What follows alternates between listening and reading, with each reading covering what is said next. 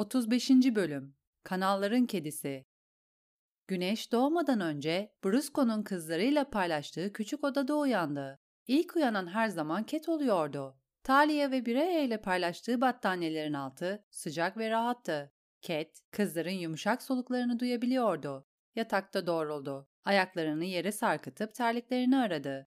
Brea, uykulu bir şikayet cümlesi mırıldanıp arkasını döndü. Gri taş duvarların soğukluğu Ket'i ürpertiyordu. Karanlıkta çabucak giyindi. Tuniğini başından geçirirken Talia uyandı. Ket, tatlı bir kız ol ve bana kıyafetlerimi getir, diye seslendi. Biçimsiz ve sakar bir kızdı. Deriden ve kemikten ibaretti. Sürekli soğuktan yakınıyordu. Ket kızın kıyafetlerini getirdi ve Talia battaniyelerin altında giyindi. Birlikte kızın ablasını yataktan kaldırdılar. Brea uykulu, tehditler mırıldandı. Üçü birlikte saçakların altındaki odanın merdiveninden aşağı indiler. Brusco ve oğulları evin arkasındaki kanalda duran teknenin içindeydi. Brusco her sabah yaptığı gibi acele etmeleri için kızlara bağırdı. Adamın oğulları Talia ve Brea'nın tekneye binmesine yardım etti. Onları çözmek, ipi Brea'ya atmak ve tekneyi iterek iskeleden uzaklaştırmak Ket'in göreviydi. Brusco'nun oğulları sırıkları abandı. Ket koştu ve iskele ile teknenin arasındaki boşluğu zıplayarak açtı. Bundan sonra uzunca bir süre oturmaktan ve esnemekten başka yapacak bir işi yoktu. Brusco ve oğulları tekneyi şafak öncesi karanlıkta yüzdürecek ve küçük kanallardan oluşan bir düğümün içinden geçirecekti. Gün, az rastlanır günlerden biri olacak gibiydi. Serin, açık ve parlak. Braus'ta sadece üç çeşit hava vardı. Sis kötüydü, yağmur daha kötü ve dondurucu yağmur en kötüsü. Ama ara sıra şafağın pembe mavi söktüğü ve havanın açık olduğu bir sabah geliyordu. O günler Ket'in en sevdiği günlerdi. Geniş ve düz bir su yolu olan uzun kanala vardıklarında balık pazarına gitmek için güneye döndüler. Ket bağdaş kurmuştu. Bir yandan esnemesiyle mücadele ediyor, bir yandan da gördüğü rüyanın ayrıntılarını hatırlamaya çalışıyordu. Yine kurt olduğumu gördüm. En iyi hatırladığı şey kokulardı. Ağaçlar ve toprak, Ket'in sürü kardeşleri, atların, geyiklerin ve insanların her biri diğerinden farklı raihaları ve korkunun her zaman aynı olan keskin aroması. Bazı geceler kurt rüyaları öyle canlı oluyordu ki Ket uyandığında bile kardeşlerinin ulumalarını duyabiliyordu. Bria bir keresinde Ket'in uyurken homurdandığını ve battaniyelerin altında çırpındığını söylemişti. Talia da aynı şeyi söyleyene kadar Ket bunun aptal bir yalan olduğunu düşünmüştü. Artık kurt rüyaları görmemeliyim, dedi kendi kendine. Ben şimdi bir kediyim, kurt değilim. Kanalların kedisiyim. Kurt rüyaları Stark hanedanının Arya'sına ait. Ama ne kadar uğraşırsa uğraşsın Arya'dan kurtulamıyordu. İster bir tapınakta uyusun, isterse Brusco'nun kızlarıyla birlikte saçakların altındaki odada geceleri hala kurt rüyalarına yakalanıyordu. Bazen de başka rüyalara. Kurt rüyaları iyi olanlardı. Kurt rüyalarında o hızlı ve güçlüydü. Sürüsüyle birlikte avının peşinden koşuyordu.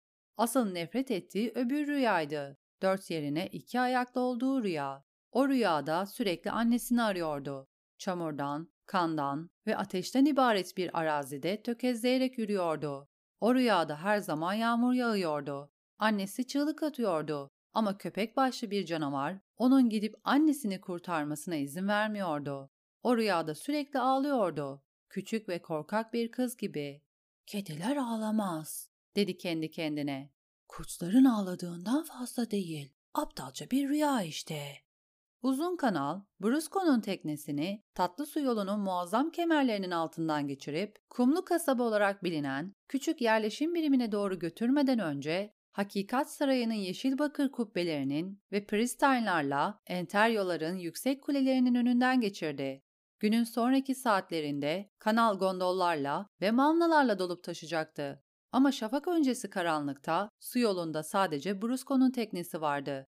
Brusco balık pazarına Titan'ın güneşin doğuşunu müjdelemek için kükrediği anda girmekten hoşlanıyordu. O anda Titan'ın sesi deniz kulağı boyunca gümbürderdi. Uzak ama uyuyan şehri uyandıracak kadar şiddetli.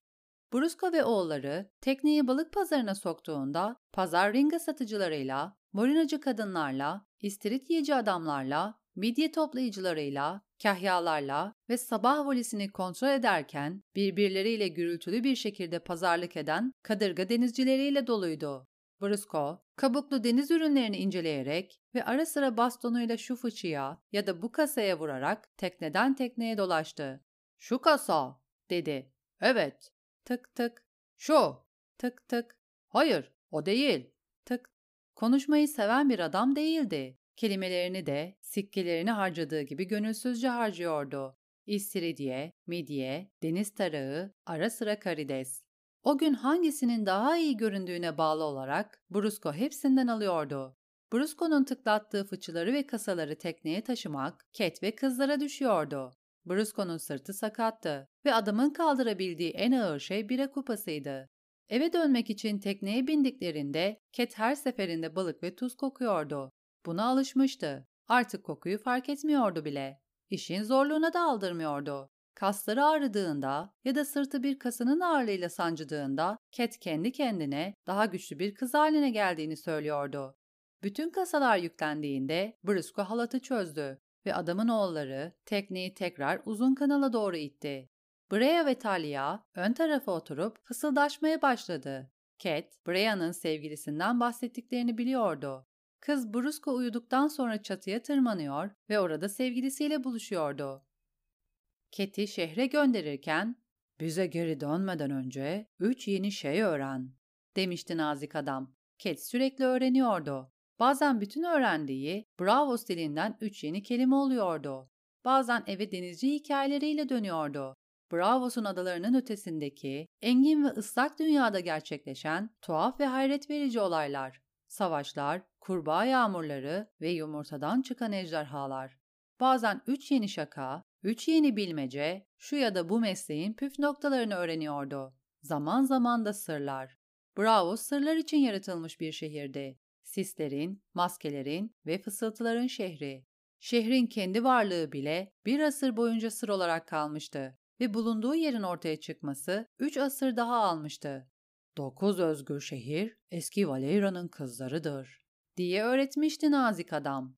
Lakin Bravos evden kaçan pit çocuktur. Biz kırma bir halkız. Kölelerin, fahişelerin ve hırsızların oğullarıyız. Bizim atalarımız bu sığınağa yüzlerce farklı topraktan geldiler. Onları köleleştiren ejderha lordlarından kaçtılar. Onlarla birlikte yüzlerce tanrı da geldi. Ama hepsinin müştereken paylaştığı bir tanrı vardı. Çok yüzlü tanrı ve çok isimli demişti nazik adam. Onun adı Kohor'da kara keçidir. Yiğit'i gece aslanı ve batı diyarda yabancı. İster yediye, ister ışık tanrısına, ister ay anaya, ister boğulmuş tanrıya, isterse büyük çobana tapsın. Sonunda bütün insanlar onun önünde eğilir. Bütün insanlık ona aittir. Aksi takdirde dünyanın bir yerinde sonsuza kadar yaşayan bir halk olurdu. Sen sonsuza kadar yaşayan bir halk biliyor musun? Hayır, demişti Cat. Bütün insanlar ölmeli. Cat, ay karardığında tepenin üstündeki tapınağa gizlice dönüyor ve her seferinde nazik adamı onu beklerken buluyordu. Adam her seferinde bizden ayrılırken bilmediğin ne biliyorsun diye soruyordu. Körbikko'nun istiridyelerin üstüne döktüğü acı sosun içine ne kattığını biliyorum diyordu Cat. Mavi Fener'deki oyuncuların hüzünlü yüzler lordunu sahneleyeceğini ve gemideki oyuncuların buna yedi sarhoş kürekçiyle cevap vereceğini biliyorum. Tacir Kaptan Moredo Prestian ne zaman denize açılsa, kitapçı Luto Lornal'ın adamın evinde uyuduğunu biliyorum. Dişi tilki eve döner dönmez Luto'nun dışarı çıktığını da biliyorum. Bunları bilmek güzel. Peki sen kimsin? Kimse. Yalan söylüyorsun. Sen kanalların kedisisin. Git ve uyu çocuk. Yarın hizmet etmelisin. Bütün insanlar hizmet etmeli. Ve hizmet ediyordu. Her 30 günün 3 gününde ay karardığında Ket hiç kimseydi. Çok yüzlü tanrının siyah beyaz cübbeli hizmetkarıydı. Demir bir fener taşıyarak nazik adamla birlikte güzel kokulu karanlığın içinde yürüyordu. Ölüleri yıkıyor, onların kıyafetlerini karıştırıyor ve sikkelerini sayıyordu. Bazı günler yine aşçı Umma'ya yardım ediyordu. Büyük beyaz mantarları doğuruyor ve balıkları temizliyordu. ama sadece ay karanlık olduğunda. Diğer vakitlerde ayağına çok büyük gelen çizmeler ve etekleri aşılmış kahverengi bir pelerin giyen, Paçavracı limanında el arabasıyla dolaşıp midyeler, istiridyeler, deniz tarakları diye bağıran öksüz bir kız oluyordu. Ay bu gece kara olacaktı. Dün gece incecik bir çizgiden ibaretti. Bizden ayrılırken bilmediğin ne biliyorsun? diye soracaktı nazik adam. Brusco'nun kızı Brian'ın babası uyuduktan sonra çatıya tırmandığını ve orada bir delikanlıyla buluştuğunu biliyorum. Talia'nın dediğine göre Bria delikanlının ona dokunmasına izin veriyor. Halbuki çocuk bir çatı faresi ve bütün çatı fareleri hırsızdır. Ama Cat iki şey daha öğrenmek zorundaydı. Endişeli değildi. Gemilerin orada öğrenecek yeni şeyler her zaman vardı. Eve döndüklerinde Cat, Brusco'nun oğullarının tekneyi boşaltmasına yardım etti. Brusco ve kızları pazardan aldıkları kabuklu deniz hayvanlarını deniz yosunlarıyla kaplı üç el arabasına bölüştürdüler. Brusco her sabah yaptığı gibi ''Hepsini sattığınız zaman geri dönün'' dedi kızlara. Brea el arabasını Morliman'a götürecekti. Gemileri orada demirli olan Bravoslu denizcilere satış yapacaktı. Talia, ay havuzunun çevresindeki sokakları deneyecekti ya da Tanrılar Adası'ndaki tapınaklara gidecekti. Cat, Paçavracı Limanı'na yöneldi. 10 günün 9'unda yaptığı gibi. Batık kasabadan Denizli Ordu Sarayı'na kadar Mor Limanı sadece Bravosluların kullanmasına izin veriliyordu. Kardeş şehirlerden ve dünyanın geri kalanından gelen gemiler Mor Liman'dan daha yoksul, daha rüzgarlı ve daha kirli olan Paçavracılar Limanı'nı kullanmak zorundaydı.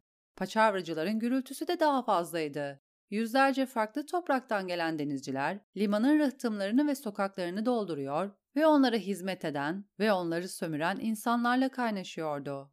Cat Bravos'un en çok bu kısmından hoşlanıyordu. Gürültüyü, tuhaf kokuları, akşam dalgasıyla hangi gemilerin geldiğini ve hangilerinin limandan ayrıldığını görmeyi seviyordu. Denizcileri de seviyordu. Yüksek sesleri ve boyalı sakallarıyla yaygaracı tiroşluları, onunla sürekli pazarlık eden sarı saçlı listileri, İbben limanından gelen ve pes sesleriyle küfürler homurdanan kıllı denizcileri, en sevdikleri tik ağacı kadar pürüzsüz ve koyu tenleriyle yazadalılardı. Kırmızı, yeşil ve sarı tüylü pelerinler giyiyorlardı. Kuğu şeklindeki gemilerinin uzun direkleri ve beyaz yelkenleri olağanüstüydü. Limanda bazen batı diyarlılarda oluyordu. Eskişehir'den gelen karakların, Gölgeli Vadiden, Kral Topraklarından ve Martı kasabasından gelen ticaret kadırgalarının, Arbor'dan gelen şişman gövdeli gökelerin, kürekçileri ve denizcileri, Ket, İstiridye, Midye ve deniz tarağının Bravos dilindeki karşılıklarını biliyordu. Ama Paçavracı limanında satış yapmaya çalışırken ticaret diliyle bağırıyordu. Ticaret dili, rıhtımlarda, iskelelerde ve denizci meyhanelerinde kullanılan onlarca farklı dilden gelen kelime ve cümlelerin karışımından oluşan, edepsiz el işaretleri ve beden hareketleriyle desteklenen kaba saba bir dildi. Cat en çok el ve beden işaretlerini seviyordu. Onu rahatsız etmeye kalkışan her adam parmak işaretini görüyor veya bir eşeğin pipisi ya da bir devenin kokusu olarak tarif edildiğini duyuyordu. Bir deve görmemiş olabilirim, diyordu Cat. Ama kokusunu aldığımda deve kokusunu tanırım. Arada sırada bu tariflere öfkelenen birileri çıkıyordu. Ama Cat'in bu durumlara karşı parmak bıçağı vardı.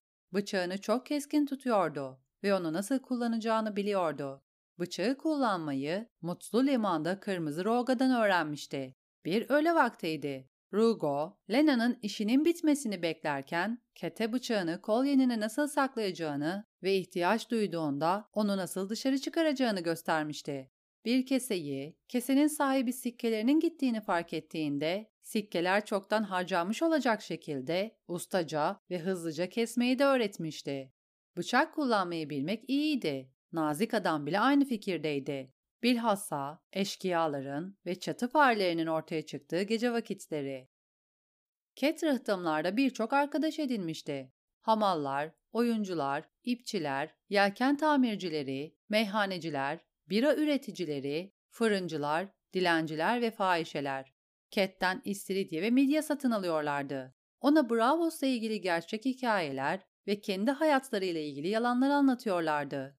Cat Bravos dilinde konuşmaya çalıştığında ona gülüyorlardı. Cat bundan rahatsız olmuyordu.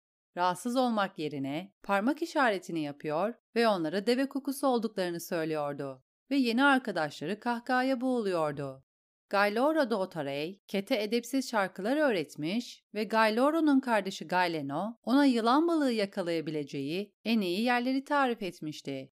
Geminin oyuncuları ona kahraman duruşunu göstermiş ve Ron şarkısından, Fatih'in iki karısından, tacirin şehvetli leydisinden replikler ezberlemişti. Geminin edepsiz Fars oyunlarını yazan üzgün bakışlı, ufak tefek adam Kuil, Kete bir kadının nasıl öpüştüğünü öğretmek istemişti. Ama Takkenaro adamı bir morina balığıyla vurmuş ve buna bir son vermişti. Sihirbaz Kusomo, Kete el çabukluğu dersleri vermişti. Adam fareleri yutuyor ve sonra onları Ket'in kulağından çıkarıyordu. Bir sihir, diyordu. Değil, diyordu Ket. Fare hep kolunun içindeydi. Hareket ettiğini görebiliyordum. İstiridyeler, midyeler, deniz tarakları. Bunlar Ket'in sihirli kelimeleriydi ve bütün sihirli kelimeler gibi onu hemen hemen her yere götürebilirdi. Cat, Lee'sten, Eskişehir'den ve İbben limanından gelen gemilere bindi ve istiridyelerini gemilerin güvertelerinde sattı. Bazı günler el arabasını kudretlilerin kulelerinin önüne götürdü ve kapıdaki muhafızlara pişmiş midye verdi. Bir defasında Hakikat Sarayı'nın basamaklarında satış yaptı. Bir başka işportacı onu kovalamaya kalkıştığında Cat adamın arabasını devirdi ve istiridyeler basamaklardan sekerek kaldırım taşlarına saçıldı. Kubbeleri ve kuleleri deniz kulağının yeşil sularına gömülmüş olan batık kasabanın kürekçileri ve Şekkuye limanının gümrük memurları Cat'in müşterisiydi. Bir keresinde buraya Aykan'ın yüzünden yatağa düştüğünde Cat kızın arabasını Mor Liman'a götürdü ve Deniz Lord'unun baştan kıça gülen yüzlerle kaplı zevk malnasını yüzdüren kürekçilere yengeç ve karides sattı. Diğer günlerde Tatlı Su Nehri'ni Ay havuzuna doğru takip etti. Şeritli satenlerinin içinde kasılarak yürüyen eşkıyalara, kahverengi ve gri cübbeler giyen anahtarcılara ve yargıçlara satış yaptı. Ama her zaman Paçavracılar Limanı'na geri döndü. El arabasını rıhtımlarda dolaştırırken, İstiridyeler, midyeler, deniz tarakları, karidesler diye bağırdı kız. Turuncu renkli, pis bir kedi onu takip etmeye başladı. Daha ileride ikinci bir kedi ortaya çıktı. Üzgün, bakımsız, kuyruğu kesik gri bir yaratık. Kediler ketin kokusunu seviyordu. Bazı günler güneş batmadan önce ketin arkasında bir düzine kedi oluyordu. Ket zaman zaman hangisinin daha hızlı davranacağını görmek için kedilere bir midye atıyordu. İri kedilerin çok nadir kazandığını fark etmişti. Ödül ekseriyetle daha küçük ve daha çevik bir hayvana gidiyordu. Zayıf, sefil ve aç bir kediye. Benim gibi, dedi Ket kendine. En sevdiği kedi, kesik kulaklı, yaşlı, cılız bir erkek kediydi. Ona bir zamanlar Kızılkale'nin dört bir yanında kovaladığı kediyi hatırlatıyordu. Hayır, o ben değildim. Başka bir kızdı. Dün limanda olan iki gemi bugün yoktu. Ket gördü. Ama beş yeni gemi gelmişti. Arsız Maymun isimli küçük bir karak, katran, kan ve balina yağı kokan ipbenli bir balina avı gemisi, Pentos'tan gelen hurdası çıkmış iki göke ve eski Volantis'ten gelen ince yeşil bir kadırga. Ket bütün iskele tahtalarında durdu ve midye ile istiridye sattığını duyurdu. Bir kez ticaret diliyle, bir kez de Batı diyarın ortak diliyle. Balina avı gemisindeki denizcilerden biri, Ket'e öyle yüksek sesle küfretti ki, Ket'in kedileri kaçtı. Pentoslu bir kürekçi, Ket'in bacaklarının arasındaki midyenin fiyatını sordu. Fakat diğer gemilerde işler iyi gitti. Yeşil Kadırga'daki bir muavin bir düzine istiridyeyi midesine indirdi ve geminin kaptanının Lee'si korsanlar tarafından nasıl öldürüldüğünü anlattı. Korsanlar basamak taşı yakınlarında kadırgaya çıkmaya çalışmışlardı. Bize saldıran o piç sağandı. Yaşlı ananın oğlu ve Valeyran'la. Kaçtık ama zor kaçtık. Arsız maymunun Martı kasabasından geldiği anlaşıldı. Geminin mürettebatı Batı diyarlıydı ve adamlar ortak dili bilen biriyle konuşmaktan memnundu. İçlerinden biri, kral topraklarından bir kızın Bravos'un rıhtımlarında medya satan bir işportacıya nasıl dönüştüğünü sordu ve Cat hikayeyi anlatmak zorunda kaldı. Dört gün ve dört uzun gece boyunca buradayız, dedi bir başkası. Şöyle iyi bir eğlence bulmak için nereye gitmemiz gerek? Gemideki oyuncular yedi sarhoş kürekçiyi oynuyor, dedi Cat. Batık kasabanın kapılarının yanındaki kirli kilerde de yılan balığı dövüşü var. İsterseniz ay havuzuna da gidebilirsiniz. Eşkıyalar orada düello yapar. Evet, bunlar güzel, dedi bir başka denizci. Ama Watt'ın asıl istediği şey bir kadın.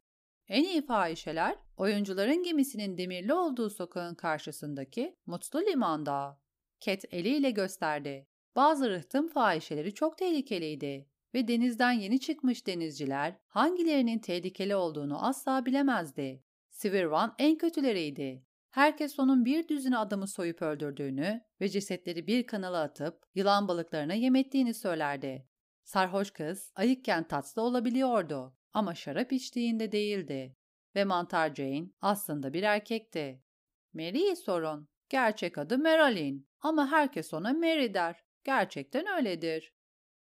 Cat ne zaman genel evin önüne gitse, Mary her seferinde bir düzüne istiridye satın alır ve kızlarıyla paylaşırdı. İyi kalpli bir kadındı. Bu konuda herkes hemfikirdi. Mary, hem iyi kalpliyim hem de Bravos'taki en büyük göğüslere sahibim diyerek böbürlenmekten hoşlanırdı. Mary'nin kızları da iyiydi. Al yanaklı Bethany ve denizcinin karısı. Bir damla kana bakarak insanın geleceğini görebilen tek gözlü Öla. Hatta Asadora, bıyıkları olan ipbenli kadın. Güzel kadınlar olmayabilirlerdi ama Kete nazik davranıyorlardı. Ket, arsız maymunun denizcilerine, bütün hamalların gittiği yer mutlu limandır, diyerek güvence verdi.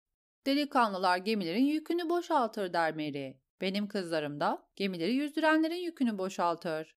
Şarkıcıların şarkılara konu ettiği pahalı fahişeler nerede? diye sordu en genç maymun. Kızıl saçlı ve çilli bir çocuktu. 16 yaşından büyük olamazdı.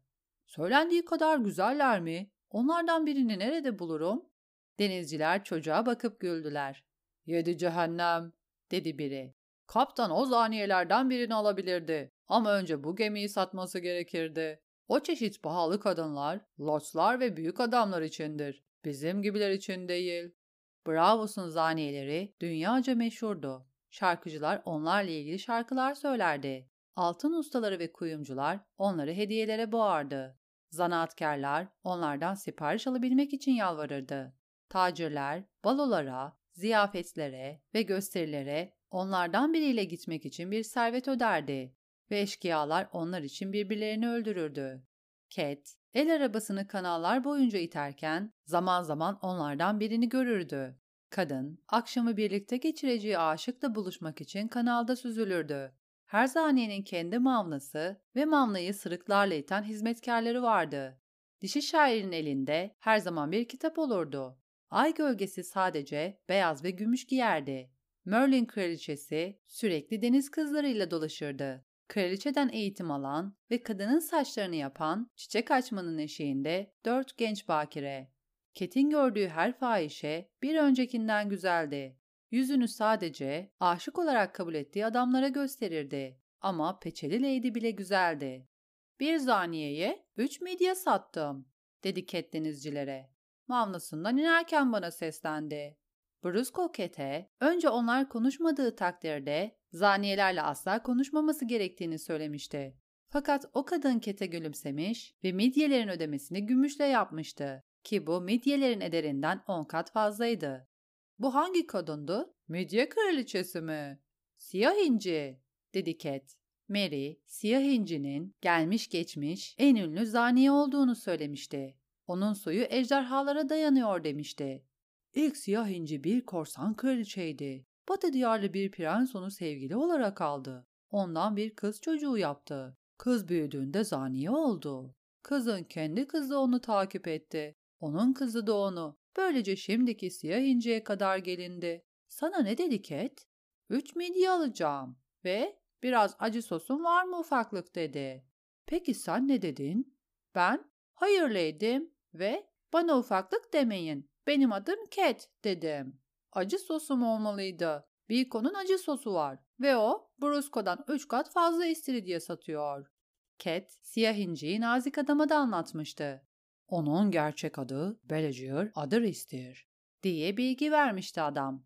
Ket'in o gün öğrendiği üç yeni şeyden biri buydu. Evet, Beleciyor, demişti rahip yumuşak bir sesle. Annesinin adı Bellinora'ydı ama ilk siyah incinin adı da Beleciyor'du. Cat, arsız maymundaki adamların bir zaniyenin annesinin ismini umursamayacağını biliyordu. Bundan bahsetmek yerine yedi krallıkla ve savaşla ilgili havadisleri sordu. Savaş mı? dedi adamlardan biri. Güldü. Hangi savaş? Savaş filan yok. Martı kasabasında yok, dedi diğeri. Vadide yok. Küçük lord tıpkı annesinin yaptığı gibi bizi savaşın dışında tuttu. Tıpkı annesinin yaptığı gibi. Vadinin lady'si Cat'in annesinin kardeşiydi. Lady Lysa? dedi Cat. O öldü diye bitirdi kafası zaniyelerle dolu olan çeli çocuk. Kendi şarkıcısı tarafından öldürüldü. Aa, benim için önemi yok. Kanalların kedisinin bir teyzesi yok. Hiç olmadı. Cat el arabasını itti ve arsız maymundan uzaklaştı.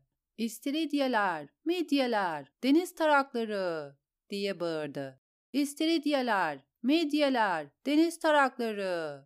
Midyelerin çoğunu Arbor'dan gelen büyük şarap gökesinin yükünü boşaltan hamallara, geri kalanını da fırtınada hasar almış Miyerli bir ticaret kadırgasını tamir eden adamlara sattı. İskelelerin ilerisinde Takkenaro'ya rastladı. Adam, Fokların kralı Kesson'un yanında oturuyordu. Sırtını bir kaza yaslamıştı. Ket'ten birkaç deniz tarağı satın aldı. Kesso bağırdı ve yüzgecini salladı. Deniz taraklarını yerken, ''Gelip benimle çalışmalısın Ket.'' Diye ısrar etti Takkenaro. Sarhoş kız, küçük Nerbo'nun eline bir bıçak sapladığından beri Takkenaro yeni bir ortak arıyordu. Sana bruskodan fazla yemeye veririm. Üstelik balık gibi kokmazsın. Kesso benim kokumu seviyor, dedi Cat. Fokların kralı onaylar gibi bağırdı. Nerbo'nun eli iyileşmedi mi? Üç parmağı kıvrılmıyor, diye sızlandı Takkenaro. Parmaklarını kullanamayan bir yan kesici ne işe yarar? Nerbo kese seçmekle iyiydi ama fahişe seçmekle o kadar iyi değildi. Mary de aynı şeyi söylüyor. Cat üzgündü. Bir hırsız olmasına rağmen küçük Nerbo'yu seviyordu. Şimdi ne yapacak?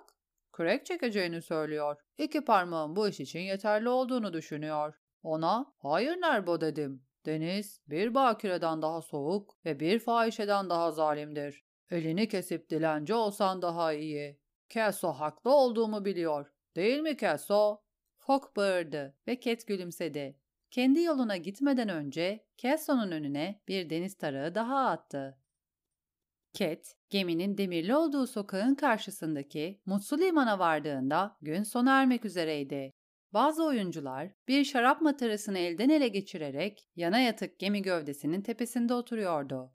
Ket'i gördüklerinde birkaç istiridye almak için aşağı atladılar. Ket, yedi sarhoş denizcinin nasıl geçtiğini sordu. Kederli Joss başını iki yana salladı. Kuensen sonunda Helikuo'yu Slow ile birlikte yatakta yakaladı. Oyuncu kılıçları kullanarak birbirlerine girdiler. Sonra ikisi de bizden ayrıldı. Görünüşe göre bu gece beş sarhoş kürekçi olacağız. Kürekçilerdeki eksikliğimizi sarhoşlukla telafi etmek için uğraşmalıyız, dedi Mirmelo. Ben kendi adıma bu iş için çok uygunum. Küçük Narbo kürekçi olmak istiyor, dedi Cat. Onu alırsanız altı kürekçi olursunuz. Gidip Mary'i görsen iyi olur, dedi Joss. İstiridye yemediği zaman nasıl huysuzlaştığını biliyorsun. Ama Cat genel evin içine girdiğinde Mary'i ortak salonda gözleri kapalı bir halde Darian'ın arpını dinlerken buldu. Öyle de oradaydı. Lena'nın altın sarısı uzun saçlarını örüyordu. Aptal bir aşk şarkısı daha. Lena, şarkıcıya aşk şarkıları çalması için yalvarıp duruyordu. Fahişelerin en genci oydu. Sadece 14 yaşındaydı. Mary, Lena için diğer kızlar için istediği fiyatın 3 katını istiyordu. Cat bunu biliyordu. Darian'ı öyle arsızca otururken görmek Cat'i öfkelendirdi. Şarkıcı bir yandan parmaklarını arpın tellerinde dans ettiriyor, bir yandan da Lena'ya göz süzüyordu. Fahişeler ona kara şarkıcı diyordu. Ama Darian'da kara bir şey kalmamıştı. Karga, şarkıcılıktan kazandığı sikkelerle kendini bir tavus kuşuna dönüştürmüştü. Bugünkü kıyafetleri, yakası kürklü mor bir pelerin, beyaz ve eflatun çizgili bir tunik ve iki renkli eşkıya pantolonuydu. Ama Darian'ın iki pelerini daha vardı. Biri ipekti ve diğeri şarap rengi kadifeden dikilmişti. Siyah olan sadece çizmeleriydi. Darian Lena'ya diğer siyahlarının hepsini bir kanala attığını söylemişti ve Cat bunu duymuştu. Karanlıkla işim bitti, demişti şarkıcı. Darian, aptal prens öldü diye kendini aptal bir kaleden aşağı atan aptal bir lady ile ilgili aptal bir şarkı söylerken ''O gece nöbetçilerinin adamı'' diye düşündü Cat. Lady, prensini öldürenleri öldürmeliydi. Şarkıcı da surda olmalıydı. Darian ilk kez Mutlu Liman'a geldiğinde Arya onunla birlikte Doğu Gözcüsü'ne gitmeyi düşünmüştü. Ama sonra Darian'ın Bethany'e asla geri dönmeyeceğini söylediğini duymuştu. Sert yataklar, tuzlu balık ve sonu gelmez nöbetler. İşte sur bu, demişti şarkıcı. Ayrıca Doğu Gözcüsü'nde senin kadar güzel bir kişi bile yok. Seni nasıl bırakabilirim? Cat, şarkıcının aynı şeyleri Lena'ya, kedi yuvasındaki fahişelerden birine ve hatta Yedi Fener evinde arp çaldığı gece Bülbül'e söylediğini biliyordu. Şişman karganın onu dövdüğü gece orada olmak isterdim, diye düşündü. Mary'nin fahişeleri o olaya hala gülüyordu. Öla şişman çocuğa dokunduğunu ve çocuğun her dokunuşta pancar gibi kızardığını söylemişti. Fakat şişman oğlan sorun çıkarınca Mary onu dışarı sürükletmiş ve bir kanala attırmıştı. Cat, şişman çocuğu düşünür ve onu Terto ile Orbelo'dan nasıl kurtardığını hatırlarken denizcinin karısı geldi. Batı diyarın ortak dilini kullanarak ''Güzel bir şarkı söylüyor.'' dedi yumuşak bir sesle. Ona böyle bir ses ve bu kadar güzel bir yüz verdiklerine göre tanrılar onu seviyor olmalı. Yüzü güzel ve kalbi çirkin diye düşündü Arya ama bir şey söylemedi. Darian bir keresinde denizcinin karısıyla evlenmişti. Kadın sadece onunla evlenen adamlarla yatardı. Muslu limanda bazen bir gecede üç ya da dört düğün birden olurdu. Evlilik törenlerini genelde sarhoş kırmızı rahip Ezrino gerçekleştirirdi. Eğer o yoksa bir zamanlar denizin ötesindeki septe rahiplik yapan Eustace olurdu. Adamların ikisi de yoksa fahişelerden biri gemiye koşar ve bir oyuncu getirirdi. Mary her zaman oyuncuların gerçek rahiplerden daha iyi rahip olduğunu söylerdi. Özellikle de Mirmelon'un. Düğünler gürültülü ve eğlenceliydi. Bol bol içki içilirdi. Cat ne zaman el arabasıyla düğünlere uğrasa, denizcinin karısı yeni kocasının istiridye alması ve yatağa girmeden önce kuvvetlenmesi için ısrar ederdi.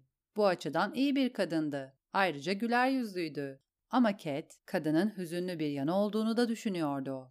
Diğer fahişeler, denizcinin karısının çiçek açtığı günlerde tanrıların adasını ziyaret ettiğini ve orada yaşamış bütün tanrıları bildiğini söylüyordu. Bravos'un unuttuğu tanrıları bile. Oraya ilk kocası için dua etmeye gidiyordu. Henüz de ne kadar genç bir kızken denizde kaybettiği gerçek kocası için. Onu en uzun zamandır tanıyan kişi olan tek gözlü Öla, eğer doğru Tanrı'yı bulursa o Tanrı'nın bir fırtına çıkaracağını ve eski aşkını ona geri göndereceğini düşünüyor, demişti. Ama bunun olmaması için dua ediyorum. Onun aşkı öldü. Eğer bir gün geri dönerse bir ceset olarak dönecek. Darian'ın şarkısı nihayet bitiyordu. Son notalar havada eriyip giderken Lena iç geçirdi. Darian arpını kenara bırakıp kızı kucağına aldı ve gıdıklamaya başladı. Cat yüksek sesle ''İstiridyeler, istiridye isteyen var mı?'' dedi. Mary'nin gözleri açıldı. ''Güzel'' dedi kadın. ''İçeri gel çocuk. Öla, biraz ekmek ve sirke getir.'' Cat, şişman bir sikke kesesi ve içinde tuzla deniz yosunlarından başka bir şey kalmayan, boş el arabasıyla Mutlu Liman'dan ayrıldığında, şişkin ve kırmızı güneş, gemi direklerinin arkasındaki gökyüzünde alçalıyordu. Darian da dışarı çıkıyordu. Cat'le yan yana yürürken, o akşam yeşil yılan balığı hanında çalacağını söyledi. Ne zaman yılan balığında çalsam, handan bir gümüşle ayrılıyorum, diye böbürlendi.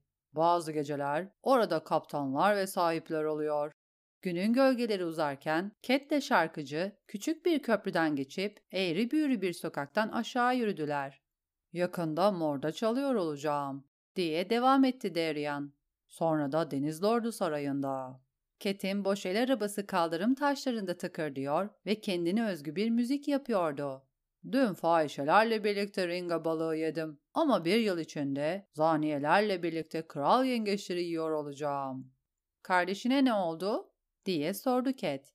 Şişman çocuk, Eskişehir'e giden bir gemi bulabildi mi? Lady Yushanara ile gitmesi gerektiğini söylemişti. Hepimizin gitmesi gerekiyordu. Lord Snow'un emri.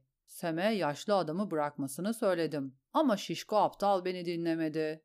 Güneşin son ışıkları şarkıcının saçlarında parlıyordu. Neyse artık çok geç. Kıvrımlı bir ara sokağın karanlığına girerlerken aynen öyle dedi Cat. Cat, Brusco'nun evine döndüğünde küçük kanalın üstünde akşam sesi birikiyordu. Cat el arabasını kaldırdı. Brusco'yu hesap odasında buldu ve sikke kesesini adamın önündeki masaya vurdu. Çizmeleri de vurdu. Brusco keseye dokundu. Güzel ama bu ne? Çizmeler. İyi çizmeler kolay bulunmuyor, dedi Brusco. Ama bunlar benim ayaklarıma küçük gelir. Çizmenin tekini alıp inceledi. Bu gece ay karanlık olacak, diye hatırlattı Cat. Öyleyse dua etsen iyi olur. Brusco çizmeyi bıraktı ve keseyi masaya boşaltıp sikkeleri saymaya başladı. Valar duhayris. Valar makolis. diye düşündü Cat. Cat, Bravos'un caddelerinde yürürken her taraf sisle kaplıydı. Siyahın ve beyazın evinin büvet ağacından yapılmış kapısına vardığında Cat hafifçe titriyordu. Bu akşam sadece birkaç mum yanıyordu. Mumların alevi akan yıldızlar gibi titriyordu. Arya mahzene indi. Cat'in eski püskü çıkardı. Cat'in balık kokan kahverengi tuniğini çıkardı. Cat'in tuz lekeli çizmelerini çıkardı. Cat'in iç çamaşırlarını çıkardı ve üstünden kanalların kedisinin kokusunu çıkarmak için limonlu suyla banyo yaptı. Arya sabunlanmış, pes pembe keselenmiş ve kahverengi saçları yanaklarına yapışmış bir halde banyo teknesinden çıktığında Cat gitmişti. Arya temiz kıyafetler ve yumuşak terlikler giydi. Ummadan biraz yiyecek dilenmek için mutfağa gitti. Rahipler ve kalfalar yemeklerini çoktan yemişlerdi. Ama aşçı onun için bir parça kızarmış balık ve sarı turp püresi ayırmıştı. Arya yemeği yedi, bulaşığı yıkadı ve küçük kızın iksir hazırlamasına yardım etmeye gitti. Onun işi ekseriyetle bir şeyler getirmek ve merdiveni tırmanıp küçük kızın istediği bitkilerle yaprakları bulmaktı. Tohumları havanda ezerken tatlı uyku zehirlerin en nazik olanıdır, dedi küçük kız. Birkaç tohum kalp çarpıntısını azaltır, ellerin titremesini keser ve insanın kendisini sakin ve güçlü hissetmesini sağlar. Bir çimdik tohum derin ve rüyasız bir uyku verir. Üç çimdik sonu olmayan bir uyku yaratır. Tadı şekerlidir. Bu yüzden en çok keklerin, turtaların ve ballı şarabın içinde kullanılır. İşte şekerin kokusunu alabilirsin.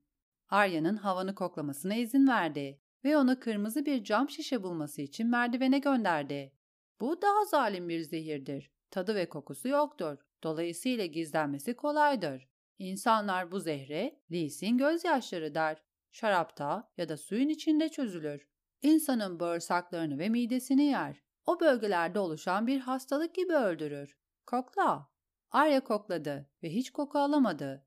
Küçük kız, Lisin gözyaşlarını bir kenara koyup taş bir kavanozu açtı.